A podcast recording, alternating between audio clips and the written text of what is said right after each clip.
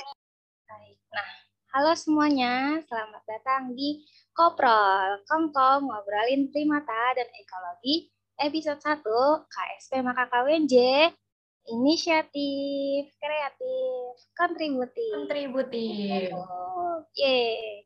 Nah, eh, materi kita nih pada topik pengenalan primata dan KSP ini yaitu Kak Inge nih, selaku Ketua KSP Makaka UNJ. Nah, boleh kali nih Kak perkenalkan diri dulu kepada teman-teman semua nih. Oke, terima kasih.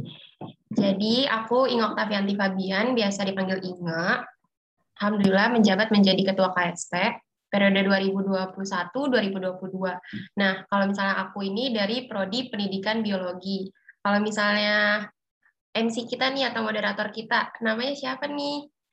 Perkenalkan, aku Kak Alvita dari uh, Biologi UNJ Angkatan 2019.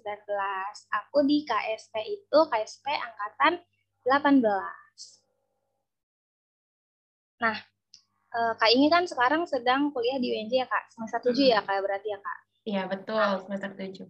Kak Inge nih pasti punya pengalaman di selama berorganisasi gitu ya Kak di KSP Maka KWNJ udah dua tahun lebih kan ya Kak? Iya benar udah dua tahun.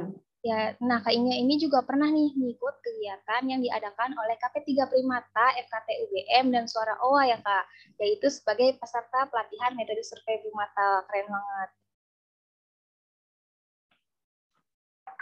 Nah, Oh iya Kak, berarti kan Kakak dari angkatan 2018, Kak, KSP 17. Nah, eh, sebagai ketua KSP maka kan nih Kak, yang eh, awalnya gitu Kakak tahu KSP itu dari mana sih Kak? Terus kayak alasan kenapa Kakak tertarik gitu pada primata dan konservasi primata gitu. Terus akhirnya mutusin gitu nih Kak untuk masuk KSP itu kenapa Kak? Oke, jadi kita cerita awal mulanya kenapa aku masuk KSP ya. Nah, ya. sebelum masuk ke situ, aku mau jelasin dulu nih. Mungkin teman-teman yang dengerin belum kenal nih KSP apa. Jadi, KSP itu adalah kelompok studi primata. Nah, kelompok studi primata ini adanya di UNJ atau Universitas Negeri Jakarta. Nah, kelompok studi primata Makaka UNJ ini bergerak organisasi yang bergerak di bidang primata, bergerak di bidang konservasi, khususnya di konservasi primata berserta ekologinya. Nah, karena aku mahasiswa UNJ, uh, khususnya di uh, Fakultas FMIPA, di Fakultas FMIPA ini saat masa perkenalan kampus itu tuh ngenalin tentang organisasi yang ada di kampus, baik itu organisasi mahasiswa maupun pemerintahan mahasiswa. Nah, di sana juga KSP nge-branding nih, ngasih tahu ke mahasiswa kalau misalnya ada loh KSP. Nah, saat masa-masa itu aku ngerasanya KSP tuh paling heboh sendiri gitu loh, paling heboh, paling wow gitu. Makanya aku tertarik buat masuk KSP. Nah, tapi sebelum masuk KSP, dulunya juga aku udah tertarik nih sama primata, khususnya orang utan.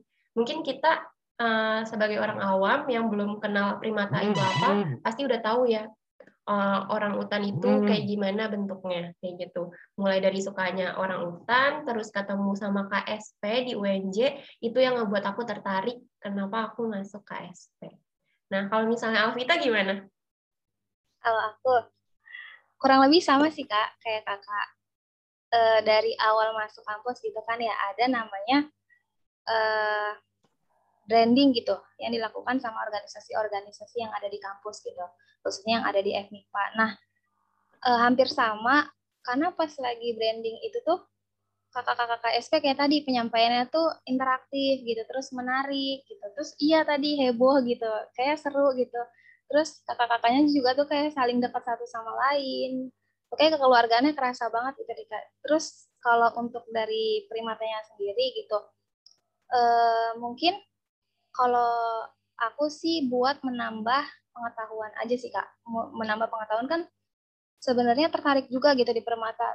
Kalau yang aku tahu gitu dulu kan kayak apaan sih gitu kelihatannya sama semua gitu kak. Sekarang kan udah bisa bedain gitu ternyata kan beda-beda gitu kan nah dulu tuh nggak nggak bisa gitu semuanya dibilang monyet gitu atau primata semua gitu jadi kalau sekarang kenapa pengen waktu itu kenapa pengen masuk karena itu sih kak pengen mempelajari lebih lanjut tentang primata Oh gitu. Nah tadi tuh sempat dimention sama Kak Alvita.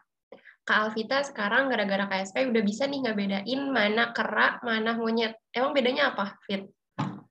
Waduh, kalau setahu aku ya kak, kalau bedanya kera dan monyet itu, kalau kera gampangnya aja nih kita sebagai yang yang nggak expert-expert banget gitu lah ya. Kalau misalkan kera itu gampangnya dilihat dari ekornya. Kalau kera itu nggak ada ekornya gitu. Kalau monyet ada ekornya gitu. Gampangnya gitu sih kak. Mungkin dari kayaknya ada tambahan kak. Oke, bener banget nih yang kata Kak Alvita. Kalau misalnya buat ngenalinnya secara gampang, kalau misalnya monyet itu ekornya terlihat ya. Terus kalau misalnya kera, ekornya itu udah tereduksi. Nah, biasanya itu udah nggak kelihatan. Terus yang satu lagi, biasanya kalau monyet itu hidupnya berkelompok, Kak. Iya, Jadi ya, kita sering ngeliat nih, kalau misalnya monyet-monyet itu hidupnya bareng-bareng sama kelompoknya di kelompok yang besar. Nah, kalau misalnya kera, itu biasanya hidupnya di dalam kelompok yang kecil atau uh, hidup secara sendiri kayak gitu. Oke deh kak, bener banget. Nah jadi tadi kan udah disinggung-singgung ya kak, primata, primata gitu. Nah primata favorit kakak sendiri tadi apa kak? Kalau boleh tahu. Kalau primata favorit aku itu orang hutan. Dulu tuh aku sebelum masuk ASP ya. ngeliat orang hutan tuh kayak lucu banget. Gitu. Kalau Alvita sukanya apa?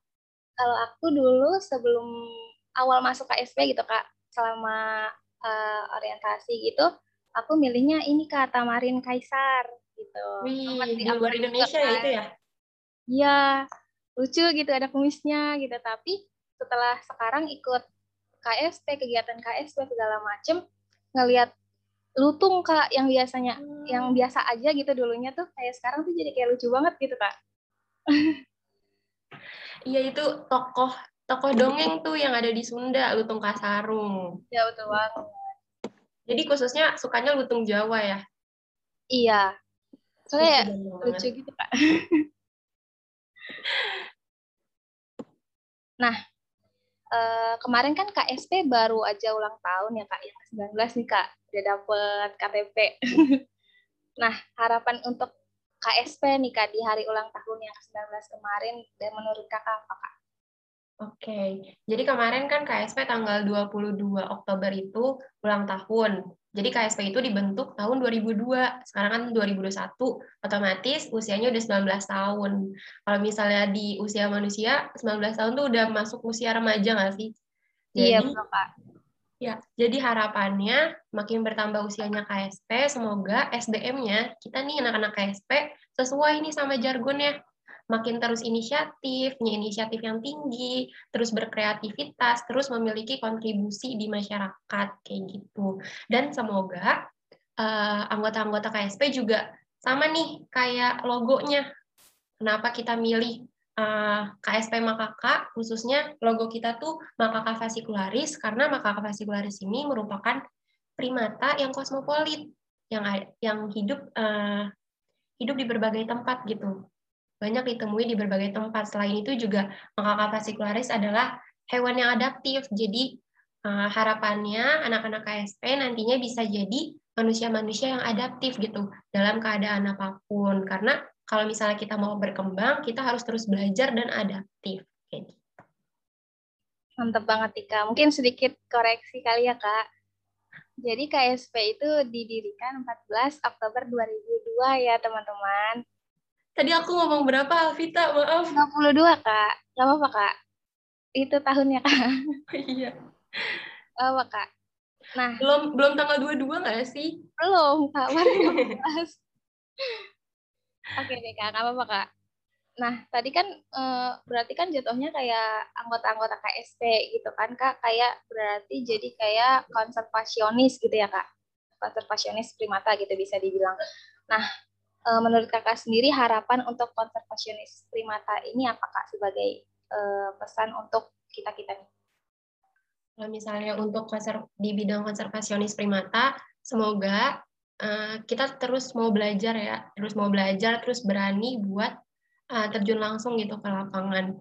Selain nanti kitanya kitanya punya ilmu, nanti juga kita punya pengalaman. Pokoknya banyak-banyak pengalaman gitu. Kalau kata uh, salah satu cutting KSP jangan pernah malu buat nyoba karena kalau misalnya kita belum nyoba kita belum tahu nantinya tuh bakal kayak gimana. Betul. Kalau dicoba gagal, coba lagi aja ya kak. Kalau nggak dicoba kan belum tahu ya kak. Betul. Betul. Nah, eh, berbicara tentang primata nih kak, kan kalau di info-info yang didapat gitu ya kak, ada 70% primata di Indonesia itu hampir punah kan kak. Nah, kira-kira tuh apa sih kak menurut kakak yang menyebabkan primata-primata yang ada di Indonesia itu mayoritas gitu kak, hampir punah semua gitu kak?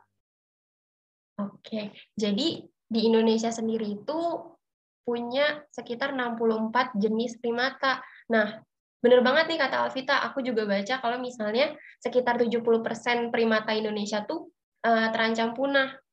Nah, bayangin gak sih uh, kalau misalnya segede itu gitu loh, lebih dari 50%, lebih dari setengahnya, 70% lebih primata di Indonesia tuh hampir punah. Nah, kalau dari yang aku baca-baca di berita itu tuh uh, penyebabnya tuh ada beberapa hal. Yang paling berdampak itu adanya kerusakan habitat gitu. Dari kerusakan habitat kehilangan habitat kayak gitu. Jadi primata-primata kita udah nggak punya tempat tinggal lagi. Nah selain itu ada juga nih tentang perburuan dan per, tentang perburuan dan uh, pengambilan primata secara bebas gitu Nah, per, uh, perburuan dan perdagangan ini motifnya tuh ada dua. Yang pertama itu ada yang biasanya dikonsumsi, ada yang buat ada, terus ada juga yang satu lagi tuh buat pemeliharaan. Gitu. Nah, di pemeliharaan ini ada juga yang nantinya uh, dieksploitasi, dijadikan sebagai lahan uh, pencari uang gitu, lahan pekerjaan. Contohnya tuh kayak topeng monyet. Iya, betul banget, Kak. Nah, gimana tuh Kak tanggapan Kakak Kak tentang topeng monyet itu Kak? Tanggapan aku ya tentang topeng monyet. Itu uh, Alvita pernah ngeliat gak topeng monyet? Pernah Kak, sering. Nah, topeng monyet itu kalau misalnya dulu sebelum Alvita masuk KSP, uh, eh, Alvita ngeliatnya kayak gimana? Topeng monyet? Aku nanya Alvita dulu. Oke, okay, kalau aku sebelum masuk KSP gitu ya kak, orang awam gitu ya kak, uh, mungkin lucu-lucu aja sih kak karena kan monyetnya nurut gitu ya kak. Nurut di ajak naik sepeda gitu bawa-bawa payung kayak gitu-gitu. Tapi setelah masuk KSP uh, eh, ternyata itu tuh menyiksa gitu menyiksa monyet tersebut gitu. Kayak uh, monyet kan harusnya jalannya empat kaki ya kak. Tapi itu uh, dalam apa ya istilahnya penjinakan monyetnya itu tuh di dilatihnya untuk jalan dua kaki itu kakinya di diikat gitu kak. Kalau misalkan uh, dia nggak bisa berdiri dua kaki nanti dia bakal tercekik gitu. Selain itu kan juga dari kayak perawatannya mungkin bisa dari uh, kesejahteraannya gitu. Jadi hewannya itu nggak sejahtera gitu kak. Iya sih benar banget. Aku setuju banget sama Alvita mengenai topeng monyet jadi selain topeng monyetnya selain monyetnya ini yang kesejahteraannya itu berkurang, itu ternyata juga nggak baik tau Fit buat si pemelihara, si tukang monyetnya itu sama si penontonnya.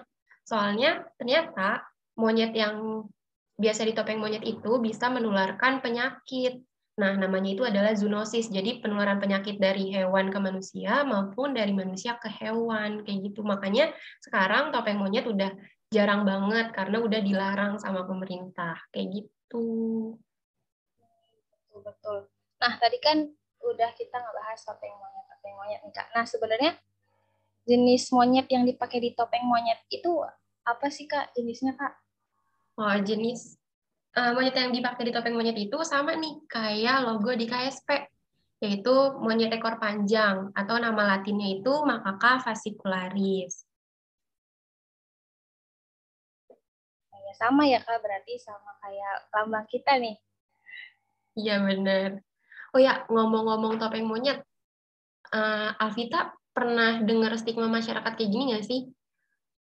Yang katanya uh, beberapa masyarakat tuh mendukung kalau misalnya kalau misalnya kita ngasih uang ke ke tukang monyet itu adalah sama dengan kita menafkahi tukang monyet tersebut. Jadi nggak apa-apa gitu kalau misalnya kita ngasih uang tersebut gitu. Pernah dengar nggak sih?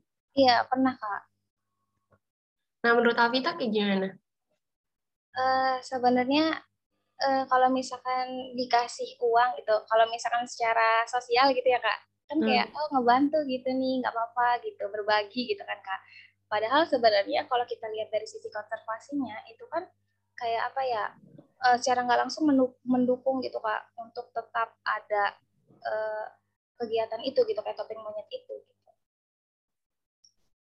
Iya sih, iya sih aku setuju banget soalnya kalau misalnya semakin kita hidupi uh, kegiatan yang kurang baik itu nantinya akan terus berlanjut makanya ada peran pemerintah nih salah satunya BKSDA. Jadi kalau misalnya dulu pas aku sebelum masuk KSP itu kan topeng monyet sangat marak ya Eh, nah, di situ tuh digalakin oleh uh, digalakan program pengaduan topeng monyet oleh BKSDA. Jadi setiap masyarakat tuh udah diedukasi kalau misalnya ternyata tuh topeng monyet tuh nggak boleh tahu soalnya sudah melanggar hak kesejahteraan si monyetnya tersebut kayak gitu. Makanya ada pusat pengaduan topeng monyet.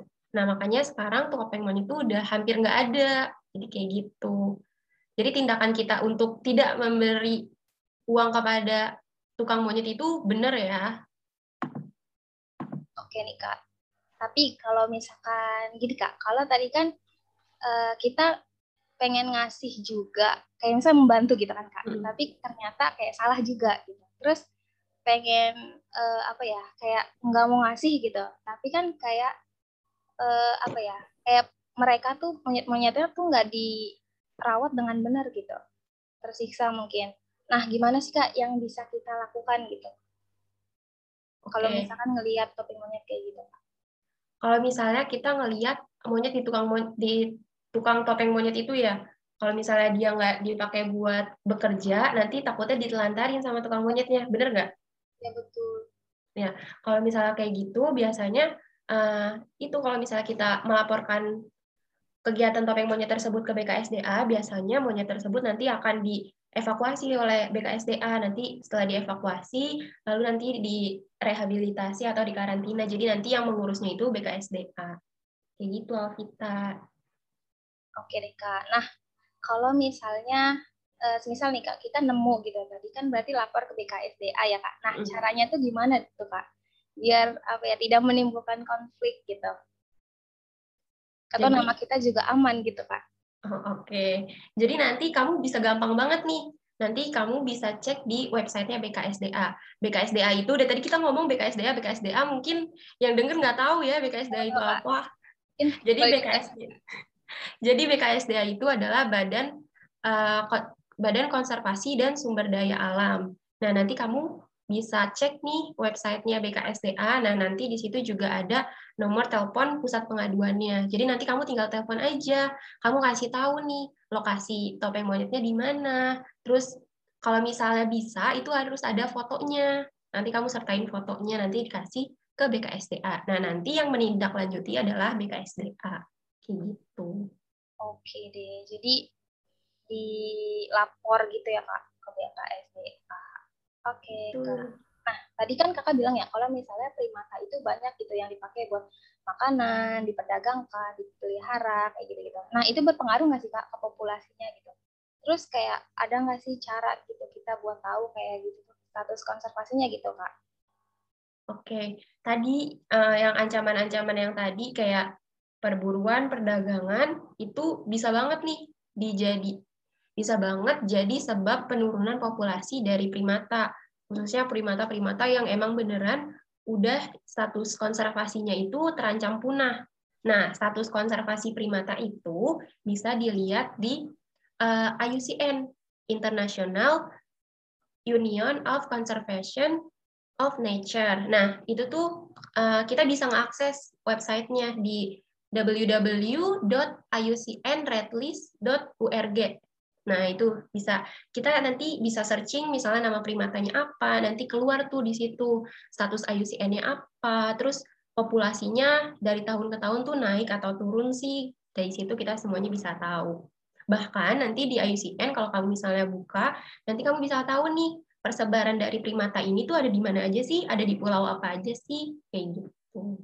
Wah mantep lengkap banget ya kak berarti. Jadi buat teman-teman nih yang mau mungkin ngepoin primata jenis apa gitu nanti bisa dicek di www.icnredlist tadi ya kak .org. Ya betul. Oke nih kak. Nah, tadi kan udah disinggung juga ya, Kak. Banyak orang yang pelihara primata gitu, Kak. Salah satunya dari topeng monyet tadi kan juga termasuk ke melihara gitu kan, Kak. Nah, gimana sih, Kak, tanggapan Kakak terhadap maraknya gitu, pelihara primata? Uh, tanggapan aku terhadap pemeliharaan primata. Dan sebelumnya aku pernah mau nanya dulu sama kamu, karena kan kita pandemi kayak gini ya, pasti ya. kita berkomunikasi sama orang di sosial media. Otomatis kita buka sosial media nih tiap hari. Kalau misalnya di sosial media, kamu pernah ngeliat nggak orang melihara primata? Wah, sering banget, Kak. Itu tuh di TikTok, di Instagram, di YouTube. Itu tuh, apa namanya, keluar terus gitu. Bermacam-macam. Ada aja ya? Ada. Dan tanggapannya juga, ya ada yang pro, ada yang kontra, Kak. Iya lagi, bener banget. Dan yang paling sering tuh, uh, aku ngeliat di platform TikTok sama IG, ya nggak sih? Iya, betul, Kak. Nah, sama TikTok sih kak. Nah baik, uh, yang pemeliharaan itu nggak cuma influencer aja ternyata, sekarang juga banyak masyarakat umum yang bikin konten tentang pemeliharaan uh, satwa primata kayak gitu. Dulu aku pernah ngeliat konten tentang dia melihara satwa primata, terus nggak cuma monyet doang, tapi dia melihara melihara owa gitu.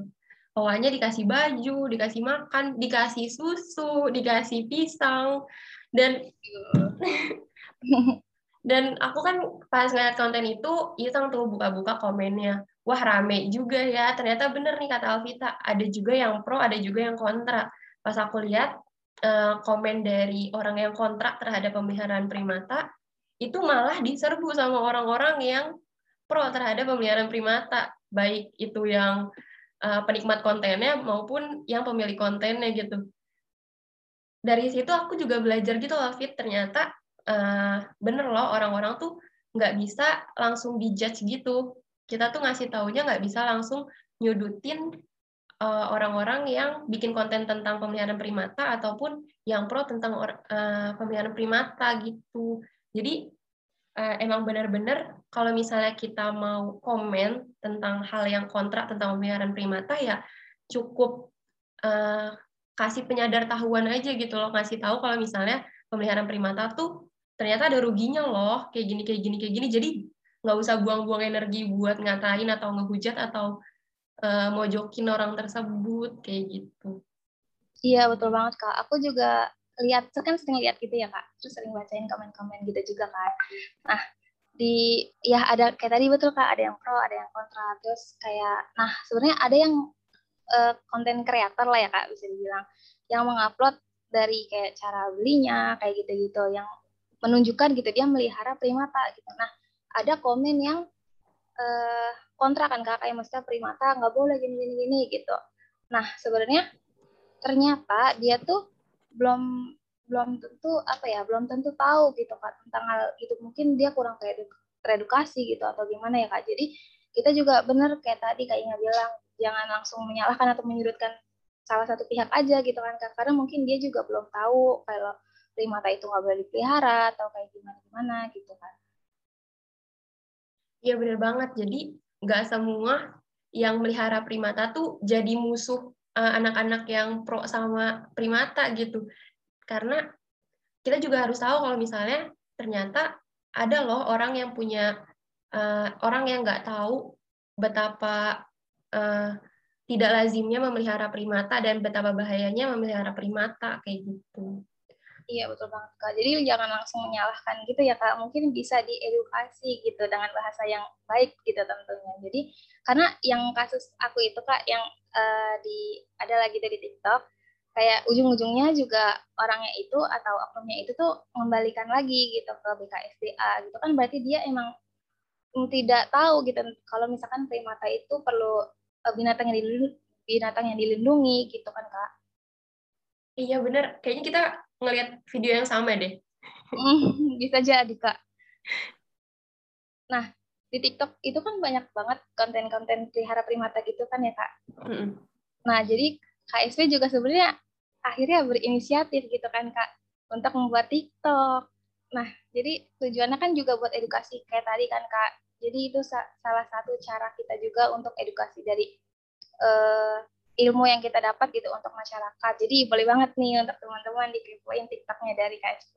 Ada di app KSP Mata UNJ ya kak. Asik. Sedikit-sedikit ya masuk ya Alvita iklannya. Oke, okay, nah, bener banget nih. Jadi di TikTok KSP, kenapa sekarang KSP merambah ke TikTok? Karena tadi ada masalah banyaknya konten-konten pemeliharaan primata kayak gitu. Jadi kan kalau misalnya dari satu konten aja tuh kita bisa ngeliat tuh isi komennya tuh paling banyak pasti nanyain itu beli di mana, itu beli di iya, mana, ya, gemes, mau melihara deh kayak gitu. Ya, Jadi bener banget.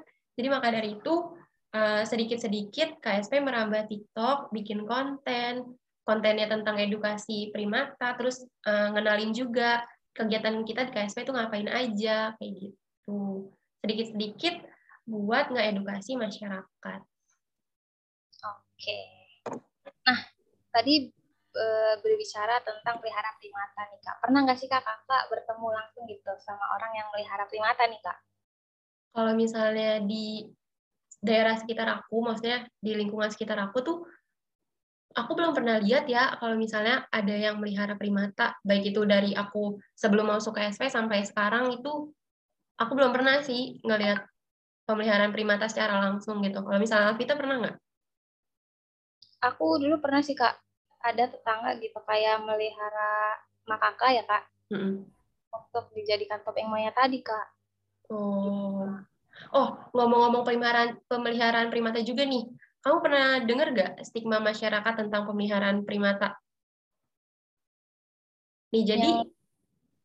jadi uh, aku pernah dengar kalau misalnya ini kalau nggak salah aku uh, ngelihat di komen TikTok juga deh. Uh, ya, dia katanya nulis, katanya dia membeli primata, nggak tahu ya ini sebagai pembelaan atau emang dia berniat seperti ini dia membeli primata karena dia mau menyelamatkan primata tersebut dari pedagangnya karena dia melihat uh, di pasar primata itu pedagangnya nggak ngurusin primatanya kayak gitu. Jadi dia memelihara biar primatanya itu sejahtera di uh, rumahnya di rumahnya dia. Kayak gitu. Pernah dengar nggak sih Alvita? Pernah kak. Itu sering banget gitu. Jadi perdebatan di kolom komen biasanya tuh kalau aku lihat kak.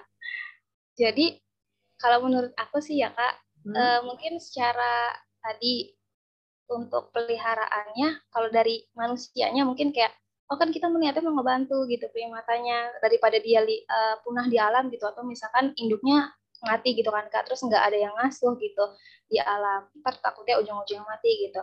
Jadi kita pelihara, kayak dikasih baju, dikasih makan segala macam. Tapi di, di sisi konservasinya tuh ternyata itu tuh apa ya nggak sesuai gitu kak mungkin karena uh, pasti kan kita manusia uh, induknya kan uh, pasti ada perbedaan pola asuh gitu antara kita sebagai manusia sama induknya gitu kan kak. Ada hal-hal yang nggak bisa manusia ajarkan gitu kan ke anak ke apa namanya ke anak primata tersebut gitu. Iya benar banget. Uh, yang tadi poin Alvita bilang itu benar banget. Contohnya tadi sempat kita singgung fit. Ada yang ngasih makannya pakai susu, pakai pisang. Padahal kan uh, ini konteksnya dia memelihara owa ya. Padahal kan uh, di primata itu di hutan nggak ada susu gitu loh. Dia mencari susu dari mana sih gitu. Dari Takutnya, mm -mm, kan itu bukan makanan alaminya si owa tersebut ya. Takutnya tuh malah merusak pencernaannya gitu, mengganggu pencernaannya kayak gitu yang dinilai baik sama manusia nih mau dimanjain biar dia langsung makan aja ternyata itu malah nggak baik gitu loh iya betul banget kak nah terus uh, kalau misalnya aku punya pandangan sendiri nih Fit uh, misalnya kalau misalnya emang niat dia adalah baik uh, dia mau menyelamatkan uh, primata tersebut dari pedagangnya uh, menurut aku itu hal yang bakal berdampak lebih panjang lagi sih. Ya nggak sih? Soalnya satu iya. tadi, uh, merusak kese uh, mengurangi kesejahteraan si satuannya tersebut. Belum lagi bisa berbahaya bagi si manusianya.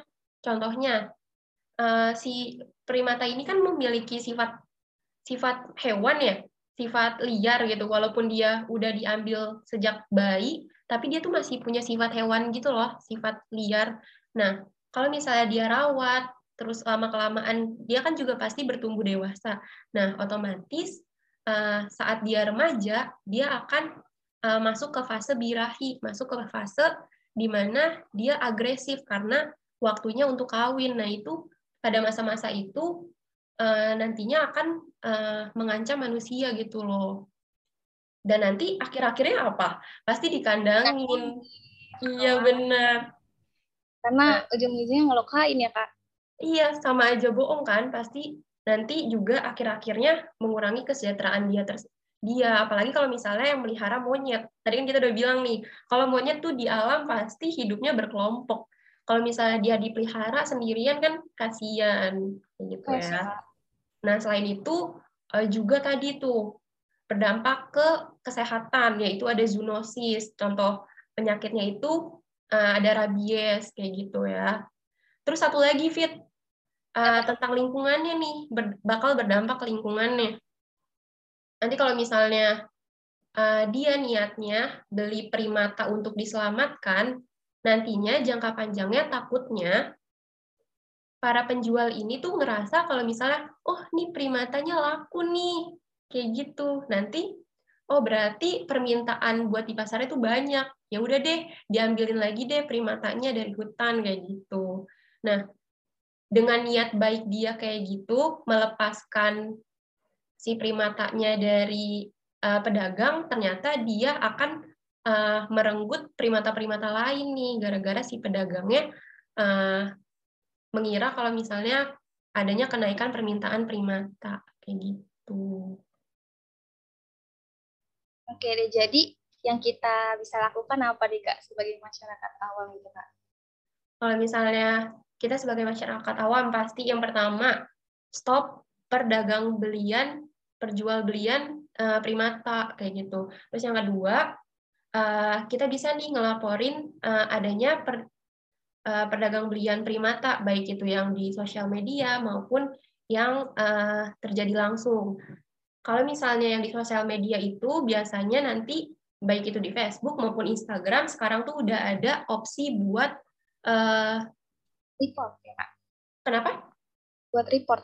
Iya benar. Opsi buat nge-report kalau misalnya ini merupakan perjualbelian uh, satwa kayak gitu. Nah nanti bakal ditindaklanjut oleh Facebook dan Instagram. Nah kalau misalnya yang langsung perjualbelian langsung kita tuh harus ada fotonya harus ada fotonya terus nanti kita ngelapor sama nih kayak topeng monyet nanti kita ngelapor ke BKSDA atau LSM yang bergerak di konservasi primata kayak gitu contohnya LSM mungkin apa nih kak kalau boleh tahu biar nanti teman-teman yang kalau misalkan menemukan gitu suatu kasus tentang primata mungkin bisa langsung lapor nih oke nanti kalian bisa nih searching-searching di Instagram ya contohnya itu LSM-nya kalau misalnya yang khusus di uh, khusus mengenangani kukang, kukang-kukang, itu ada kukangku, terus nanti juga Eh, hewan yang lebih umum itu ada iar di Instagram, terus nanti juga ada Jaan Jakarta Animal Aid Network. Itu ada semua uh, akunnya di Instagram. Oke, jadi kalau mungkin dari teman-teman nanti suatu saat mungkin yang ngelihat ada kasus primata gitu, bisa nih langsung dilaporkan ke eh, LSM-LSM tadi. Nah, tadi kan juga disinggung ya Kak, kalau misalkan populasi primata itu menurun gitu karena adanya perdagangan, perburuan, kayak gitu-gitu kan Kak. Nah, tanggapan Kakak tuh tentang hal itu gimana Kak? Tanggapan tentang penurunan primata akibat, perdagangan dan perburuan. Perdagangan dan perburuan itu miris banget sih. Karena uh, lagi-lagi pasti uh, adanya satu orang yang membuat yang memelihara yang nantinya juga itu akan menularkan orang yang lainnya apalagi kalau misalnya dia bikin konten kayak yang tadi kita udah uh, bahas tuh bikin konten apalagi kalau misalnya bikin konten tuh uh, influencer besar gitu nanti orang-orang tersebut bakal terinfluence. Jadi sayang banget sih kalau misalnya primata kita yang beragam uh, nanti akan punah gara-gara kepuasan kita sendiri gitu untuk memilikinya. Tuh miris banget sih.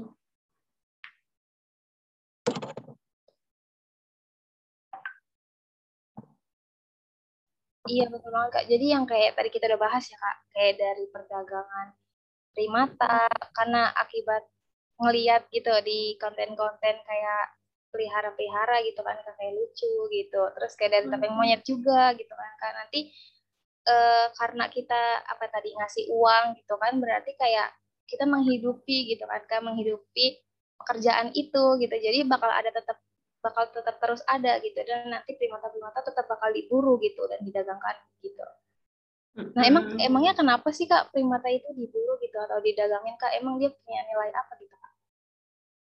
Apa yang membuat orang akhirnya memburunya gitu? Pemburuan primata ya.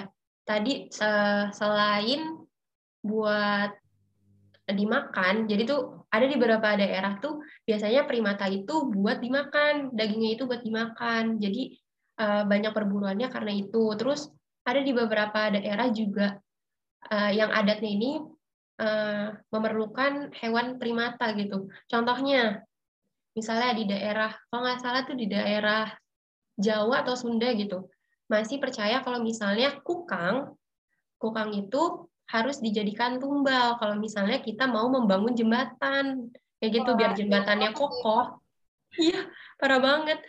Kalau misalnya mau jembatannya kokoh dan gak hancur tuh harus ada penyembelihan kukang gitu katanya dan kalau misalnya di beberapa daerah juga ada mitosnya kalau beberapa primata itu bisa dijadikan obat, padahal penelitiannya itu sangat minim gitu.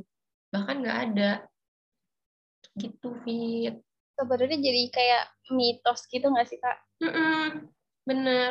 Terus ada juga Fit, beberapa primata yang dianggap sebagai hama. Waduh, kenapa tuh, Kak? Jadi uh, karena habitatnya itu berkurang, jadi kan primata ini kan beberapa primata itu memiliki daerah jelajah yang luas ya, oh, iya. daerah mencari makan yang luas. Jadi karena habitatnya berkurang, dia tuh mencari makan di sekitar perkebunan warga. Nah, karena uh, dianggap sebagai sama warga ini sebagai hama, jadi diburu kayak gitu. Berarti sebenarnya tuh dari manusia ke manusia lagi ya kak? Iya, manusia iya benar terus hewan primata kan harusnya di hutan gitu kan habitatnya dirusak gitu. Jadi dia menyerang ke perkebunan warga. Jadi ujung-ujungnya manusia lagi yang rugi gitu kan. Iya benar banget. Nah sebenarnya tuh kak tadi kita dari tadi ngomongin uh, primata gitu. Terus kayak di KSP gitu. Sampai hmm. kita buat KSP gitu. Sebenarnya pentingnya konservasi primata itu apa sih kak? Pentingnya konservasi primata yang pertama, uh, jadi aku mau bahas tentang konservasinya dulu nih. Nah, konservasi ya, apa sih, gitu kan? Jadi konservasi itu cara kita, usaha kita untuk melindungi, terus uh, melindungi, memanfaatkan dengan baik uh, sesuatu yang ada di alam. Nah, kenapa sih pentingnya konservasi primata? Nah, jadi beberapa primata ini memiliki kemiripan DNA nih sama kita. Jadi kalau misalnya kita biarkan dia punah, itu sangat sayang sekali gitu karena beberapa primata yang mirip sekali dengan kita itu bisa dijadikan uh, penelitian lebih lanjut. Kira-kira uh, apa sih yang menyebabkan primata tersebut mirip dengan kita? Apa sih makanan primata tersebut dan uh, apakah makanan tersebut bisa dimakan juga sama kita gitu kan? Terus biasanya kan beberapa primata itu adalah hewan yang sangat pintar dalam mencari obat gitu. Jadi apakah obat yang dipakai oleh orang utan misalnya itu bisa dijadikan obat buat kita juga gitu. Itu kan suatu objek penelitian kita lebih lanjut lagi. Ya, nah, selain itu primata ini memiliki peran ekologis yang sangat besar. Kamu tahu nggak peran ekologinya apa aja? Wah, uh, yang aku tahu ya kak. Mm -hmm. uh, primata itu kan tinggalnya di hutan ya kak. Mm -hmm. Nanti kan dia makan Banyak kan di hutan, ya buah gitu. Terus uh, tinggalnya di atas pohon gitu. Nanti dia dari uh, satu pohon ke pohon lain gitu. Nah nanti dia kan karena ada buah yang dia makan nanti pastikan dia mengeluarkan feses gitu kan ya kak. Nanti itu tuh hmm. buat menjaga kelestarian hutan itu sendiri nggak sih kak sebagai penyebar benih? Iya betul banget Alvita jadi beberapa primata itu bisa menjadi petani hutan. Asik petani hutan. Jadi itu dia ngejaga hutan meregenerasi pohon-pohon yang ada di hutan. Benar banget yang kata Kak Alvita tadi, kalau misalnya primata itu, uh, primata pemakan buah itu uh, bijinya tuh akan di, uh, dimasukkan ke sistem pencernaannya juga. Dan fun fact, hit, kalau misalnya biji dari yang udah dimakan sama primata, itu kan nanti akan menjadi feses ya. Nah itu tuh ternyata bakal lebih cepat berkecambah tau daripada biji, buah yang jatuh aja gitu terus bijinya ketanam kayak gitu. Kenapa gitu kak? Soalnya uh, biji tersebut tuh udah melalui pencernaan si primatanya. Jadi kulit-kulit biji yang udah yang keras itu bisa udah kebuka gitu. Jadi dia gampang untuk berkecambah. Mungkin jadi lebih lunak gitu ya kak atau udah? Hmm, bener. Oke mantap banget nih. Nah uh, terus kan KSP itu ya kak kelompok studi primata gitu yang ngarahnya itu kan ke konservasi primata kan kak? Iya nah, betul. Menurut kakak sendiri nih kak, apa sih kak yang udah KSP berikan nih dalam konservasi primata? Oke, jadi uh, kita ini kan organisasi, organisasi kelompok studi. Jadi kita itu lebih fokus untuk belajar dan mengedukasi masyarakat.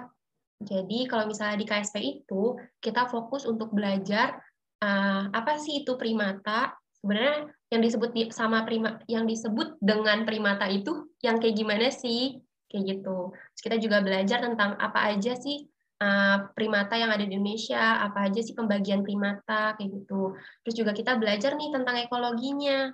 Kita, uh, belajar tentang hubungan primata dengan hewan lain, hubungan primata dengan pohonnya kayak gitu. Nah, dari situ setelah kita mempunyai ilmu tersebut, kita bisa nih mengaplikasikannya untuk menjelaskan kepada masyarakat betapa pentingnya primata untuk ekosistem kita. Nah, di kegiatan-kegiatan KSP, selain kita belajar kayak gitu, kita juga sharing-sharing nih kepada uh, masyarakat. Kita mencoba untuk mengedukasi masyarakat, baik itu yang tadi dari platform IG, YouTube, maupun TikTok, dan lain-lain, kita juga punya kegiatan yang namanya Seminar Ekologi dan Konservasi atau disingkat apa Kak Alvita? Sekons. Sekons. Nah, Sekons ini merupakan agenda uh, tahunan nih yang ada di yang ada di KSP. Nah, biasanya Sekons ini itu ada di bulan Desember. Nah, kali ini Sekons ini tanggal berapa sih Kak Alvita? Aduh, spoiler gak ya?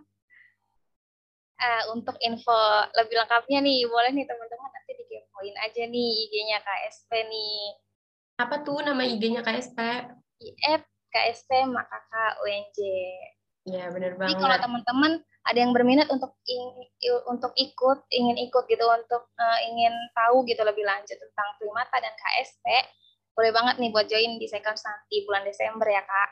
Iya, benar banget. Nah, nggak nggak cuma tentang seminar nih, nggak cuma mengedukasi masyarakat lewat seminar, tapi kita juga ada rangkaian acara sekons. Apa tuh Kak Alvita? Lomba, Kak. Ya, benar banget. Kita tuh ada lomba sekons. Nah, lombanya ini nanti ada yang bersifat uh, artikel blog, terus habis itu ada podcast, dan juga ada lomba video kreatif. Nah, nanti pas banget nih sama yang tadi kita omongin, lombanya ini temanya adalah pelihara primata boleh nggak sih gitu. Nanti ada subtema-subtema lainnya yang bisa diikutin. Betul banget nih. Jadi buat teman-teman yang ingin berminat nih, boleh banget nanti dicek-cek di akun Instagram KSP ya, Kak. Nah, iya. deadline-nya itu sampai kapan nih, Kak? Pendaftarannya itu udah dibuka nih. Uh, kemarin uh, kemarin tanggal 10 Oktober sampai nanti tanggal 4 November. Asik masuk lagi nih iklan. Wih, masih masih lama ya kak, masih cukup waktu nih buat persiapkan konten nih. Iya benar banget. Jadi jangan sampai kelewatan ya guys, lomba sequence dan seminarnya. Hadiahnya apa tuh kak? Wih, hadiahnya, hadiahnya nanti kita dapat sertifikat dan uang. Kita nanti, ya kak? Ya, asik. Nanti untuk lebih lengkapnya berapa berapa tiap Berapa hadiahnya tiap juaranya kita cek aja ya nanti di IG KSP. Oke, mantap banget nih. Tadi kan banyak kegiatan KSK, KSP gitu ya Kak, yang fungsinya buat ngedukasi gitu. Mungkin kita karena kita juga mahasiswa kali ya Kak, jadi lebih ke mengedukasi gitu kan Kak. Kalau untuk eksekusinya mungkin pihak-pihak yang berwenang gitu yang lebih uh, berhak gitu. Nah, terus kalau menurut kakak nih kak, ada nggak sih kak kegiatan KSP yang membantu gitu dalam melindungi primata? Kegiatan di KSP yang membantu melindungi primata. Hmm, ada sebenarnya. Itu salah satunya itu ada MOKA. Nah, MOKA ini adalah monitoring makaka. Nah, jadi di MOKA ini kita itu mengamati perilaku, uh, dari hewan makaka, makaka fascicularis atau monyet ekor panjang. Uh, baik itu perilaku hariannya maupun populasinya nih, jumlah populasinya. Jadi nanti uh, itu juga berperan dalam status konservasi. Jadi kita belajar nih gimana cara penghitungan konservasi sama bagaimana mendata aktivitas harian dari makaka fascicularis gitu. Mantap banget nih Kak. Jadi ngelihat primata secara langsung gitu ya Kak. Iya, betul banget. Nah, selama sekarang kan berarti kan proker atau program-program atau kegiatan-kegiatan yang ada di KSP itu kan karena pandemi kan Kak, jadi online online gitu. Nah, ada nggak sih Kak tantangan gitu dalam menjalankan kegiatan-kegiatan di KSP gitu? Ada banget. Jadi uh, adanya pandemi ini sangat berpengaruh sih kegiatan-kegiatan KSP karena kan di kegiatan KSP itu biasanya kita laksanakan secara offline ya, ya. baik itu ke lapangan maupun agenda-agenda belajar lainnya gitu. Nah biasanya kita tuh ada tadi monitoring makaka, itu tuh monitoring makaka yang ada di uh, konservasi ex situ maupun in situ. Nah biasanya itu kalau misalnya konservasi ex situ, itu kita ke Ragunan, Ragunan Jakarta, terus yang in situ in situnya itu ada di Muara Angke daerah uh, Jakarta Utara. Jakarta Utara di PIK kayak gitu. Nah, untuk untuk tahun 2020 sampai 2021 itu kita eh, nggak uh, nggak bisa ke sana karena adanya pandemi kayak gini kan dan bahaya juga. Jadi itu yang terhalang. Nah, dengan itu kita uh, tapi kita tetap ngakali nih, tetap ada uh, inovasi lagi. Jadi gimana caranya teman-teman di KSP ini masih tetap bisa belajar buat ngitung populasi sama uh, nyari tahu nih data dari aktivitas harian uh, spesies primata gitu, yaitu kita ngakalinnya dengan cara monitoring virtual, pengamatan virtual. Jadi nanti kita tuh jadi online. jadi kita nontonin video yang udah pernah kita ambil Terus uh, kalau enggak video-video dari YouTube. Nah, nanti kita baru belajarnya dari situ. Ngebayangin kalau misalnya kita tuh berada di luar kayak gitu. Itu sih paling kalau misalnya hambatannya dan solusinya.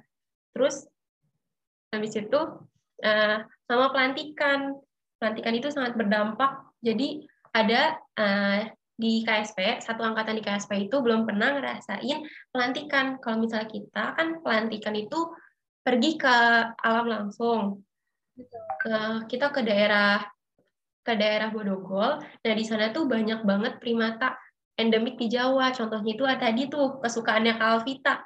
Ada lutung Jawa, ada makaka fascicularis juga, ada iya, suriuli, ada owa Jawa. Terus juga kalau di pelantikan tuh kita sempat-sempetin buat nyari kukang kayak gitu. Itu sangat berdampak sekali, jadi kita nggak bisa pergi pelantikan. Kenapa Kalvita? Iya, nyari kukang malam-malam ya, Kak? Iya. Kalau siang nggak bisa dong. Kukangnya iya. bobo. Betul. Oke nih, Kak. Tadi kan ada banyak tuh ya, Kak. Ada muka, ada pelantikan. Dari kegiatan rangkaian dari rangkaian kegiatan gitu Kak yang ada di KSP, kira-kira nih Kak, yang mana sih Kak yang jadi favorit Kakak nih Kak? Kalau dari aku yang paling favorit itu pelantikan sih. Kenapa karena dari pelan Iya, karena dari pelantikan tuh belajarnya dapet, terus uh, kita olahraganya juga dapet, terus kita menjalin kebersamaannya juga dapet, kayak gitu.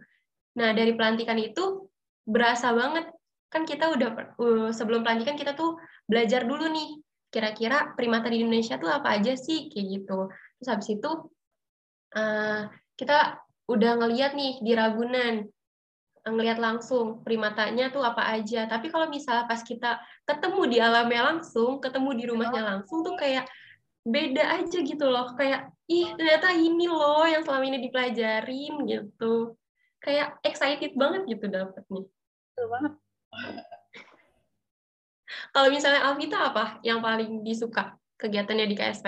Aku, eh, aku sama sih kak. Aku juga suka pelantikan. Soalnya Kenapa? Iya kayak tadi yang kak bilang gitu kan kak dari mulai alurnya kayak gitu gitu terus dari kebersamaannya juga terus kayak kayak tadi kak ngambil ngambil data primata langsung di alam itu kayak wow banget gitu dengan median yang wow gitu jadi kayak belum nyatet gitu terus belum uh, capek juga kan segala macem kebersamaannya dapat banget gitu sih kak lebih apa ya lebih ngena gitu loh iya benar banget Mantap. Semoga uh, tahun ini ya, tahun ini uh, kita dalam kondisi yang baik-baik aja, terus nanti COVID-nya juga bisa turun, makan mungkin nggak ada, dan kita bisa laksanain pelantikan. Amin. Amin banget. Kata Deva nih Kak, bengepnya dapet. Kenapa tuh? Deva kayaknya punya cerita sendiri nih, Deva. Bengep-bengep nih. Kenapa nih? Bengap kenapa?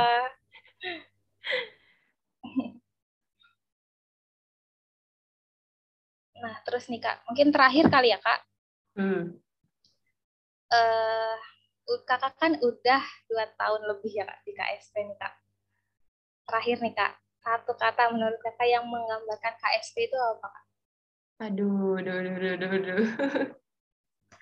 dalam dalam waktu dua tahun tapi cuma satu kata ya? Iya, betul. Singkat, padat, jelas. Satu kata buat KSP. Satu kata yang menggambarkan KSP. Rumah sih. Rumah sih. Kenapa tuh, Kak? Karena mau pergi pergi seberapa jauh, ya pasti pulangnya ke situ gitu loh. Pasti yang dicari ya rumah gitu. Ya gitu sih. Betul. Tempatnya nyaman buat belajar, nyaman buat cerita. Kayak gitu kayak pengen ketemu gitu terus ya kak mm -mm. walaupun di kosan tapi pengennya pulang ke rumah okay. gitu guys kalau Alvita kalau Alvita apa buat Alvita kalau aku mungkin maknanya sama ya kak apa kosan bukan. Kalau aku mungkin ini kak uh, maknanya sama tapi beda kata. Keluarga. Apa tuh? oh kenapa? Ya karena kayak apalagi semenjak pelantikan gitu kan kak. Kayak apa ya keluarganya dapat banget gitu kan kayak dekat banget gitu satu sama lain. Hmm kirain udah nemu jodoh jadi waduh. gitu ya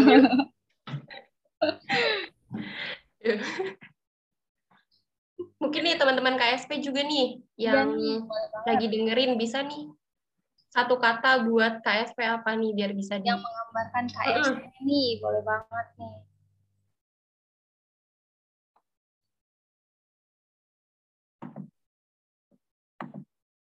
Ih, Amar, apa sih Amar? Karena ketemu Mang Ae ya, Fit. Aduh, siapa tuh? Ini Dimas, Dimas nih. Family, ya keluarga ya, Kak. Ini mah translate doang nggak sih dari kata-katanya Alvita? Merek sepeda.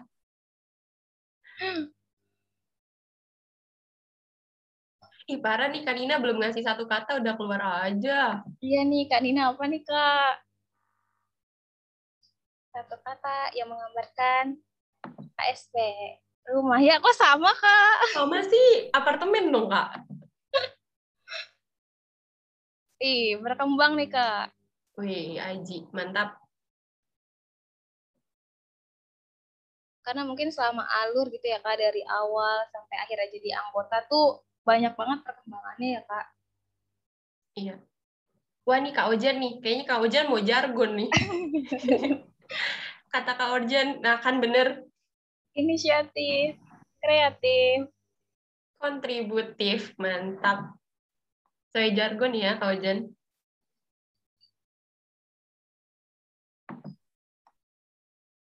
Oh, oh, Upuhnya ketinggalan. Oke. Okay.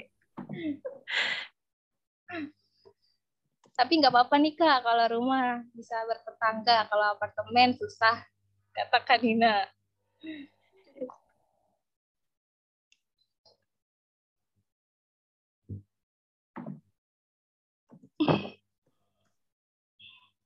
Oke deh, nih udah mantep banget tadi sharing-sharing diskusi kita pada malam hari ini ya. Nggak terasa nih, kita udah sampai di penghujung acara. Terima kasih yang udah mau mendengarkan nih sampai habis. Semoga informasi yang tadi diberikan dapat bermanfaat dan menambah wawasan kita semua. Amin. Nah, saya sebagai moderator dan Kak Inge, pamit undur diri. Terima kasih semuanya. Sampai bertemu di kapal selanjutnya. Yeay, dadah!